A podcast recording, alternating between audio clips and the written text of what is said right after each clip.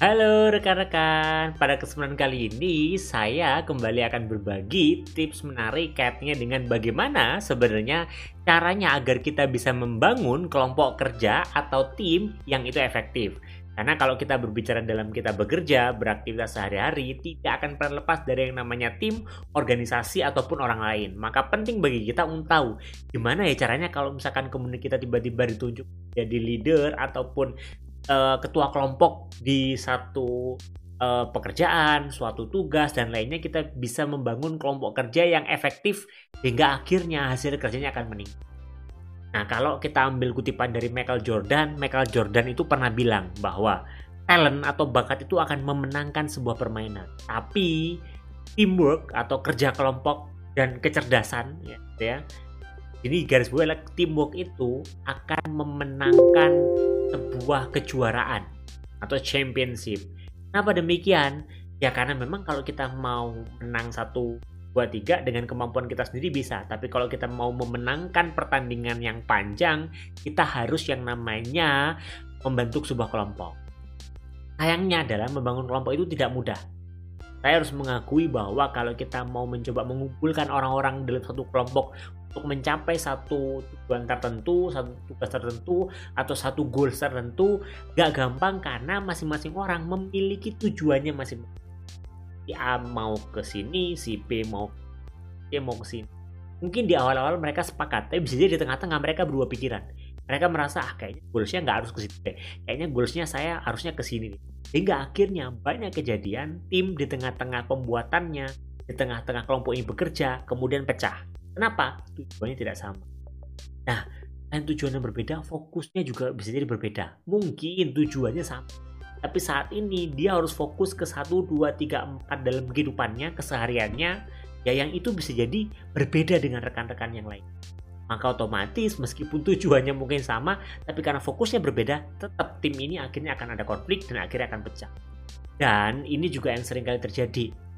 Buat tim yang kemampuannya sama, tujuannya sama misalkan. Fokusnya sama tapi kemampuannya berbeda. Ini saya relatif tadi ya.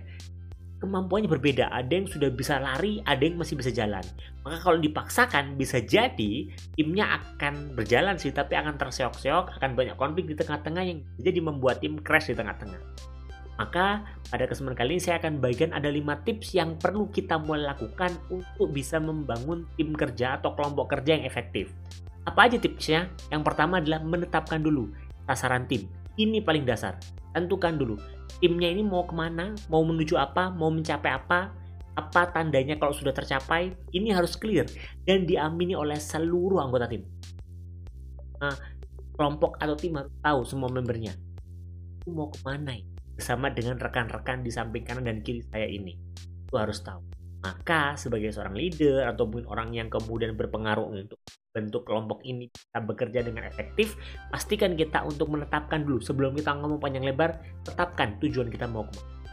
Yang kedua adalah setelah tujuannya sudah tercapai, eh tujuannya sudah tuliskan, semua sudah paham, pastikan kejelasan peran setiap anggota kelompok untuk mencapai tujuan tersebut. Si kelompok A perannya apa, si kelompok B perannya apa, si anggota C kelompoknya perannya apa maka tanggung setiap setiap dari member tim ini terus paham dan jelas apa perannya, apa yang perlu mereka lakukan untuk mencapai tujuan bersama. Jangan sampai ada yang masih setengah-setengah, ada yang masih biaran berjalan. Akhirnya apa? Bisa jadi yang masih belum terlalu jelas, jelas dengan perannya ini merasa tidak nyaman, merasa kesulitan untuk mencapai tujuan tersebut yang akhirnya membuat dia ragu, saya bisa nggak ya? Dan akhirnya dia akan mundur dari tim. Kita nggak akan pernah mau kan kita kekurangan bertim kita di tengah perjalanan kita mencapai tujuan tertentu. Yang ketiga adalah bangun kepercayaan setiap member dalam kelompok. Ini gampang-gampang susah. Nah, dalam pembentukan setiap kelompok pastikan kita bisa menginfluence mereka buat mereka percaya dan yakin uh, pada kita mungkin kepada tujuan kelompok yang lebih besar mungkin atau dalam apa ya dalam kemampuan kelompok untuk mencapai goals tersebut. Jangan sampai kemudian di awal-awal sudah goal di setting peran sudah jelas tapi di anggota tim masih ada yang ganjel. Merasa bahwa kayak nggak bisa deh kayaknya nggak bisa masih ada yang ragu-ragu. Nah keraguan-raguan ini akhirnya akan menimbulkan permasalahan kalau kita tidak hati-hati di kemudian hari. Selanjutnya yang keempat adalah untuk membangun kelompok kerja yang efektif berproses untuk mencapai hasil, pastikan masing-masing anggota kelompok itu memiliki kemampuan yang dibutuhkan. Jangan sampai ternyata ada anggota kelompok yang kemampuannya tidak dibutuhkan oleh tim. Akhirnya apa? Mungkin dia akan berjalan tapi mungkin tidak akan bisa menyesuaikan dengan kecepatan dari member tim lainnya yang itu memiliki kemampuan yang dibutuhkan untuk mencapai tujuan tim atau bisa jadi dia akan membuat dia minder karena dia merasa tidak tidak berkontribusi dengan tim dia akhirnya akan merasa tidak dibutuhkan oleh tim dan akhirnya lagi-lagi akan buat dia out kita memastikan masing-masing uh, anggota itu memiliki kemampuan yang sama atau memiliki kemampuan yang dibutuhkan untuk mencapai tujuan tim ini penting. Kalaupun ternyata ditemukan si A ini belum memiliki kemampuan, tidaknya pastikan mau nggak, bersedia nggak si A ini berproses untuk bertumbuh. Karena bisa jadi kita memilih A karena kita trust, kita percaya karena si A mau belajar. Maka ketika meskipun dia belum punya kemampuan, pastikan dia mau berproses. Karena namanya sebuah kelompok untuk mencapai tujuan itu adalah part bagian dari proses.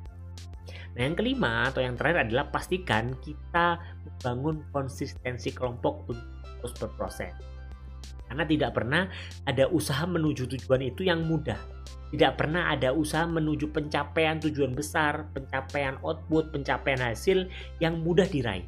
Semuanya selalu ada kendala, semuanya selalu ada tantangan, selalu membutuhkan setiap member tim untuk siap berproses. Walaupun hari ini gagal, tidaknya tim bisa belajar, tim menemukan uh, learning point atau poin pembelajaran yang bisa diimplementasikan ketika mereka mencoba untuk berusaha di lain waktu kita memastikan masing-masing member tim itu memiliki mindset yang sama untuk terus berproses itu jadi penting dan tidak boleh dilupakan oleh para leader.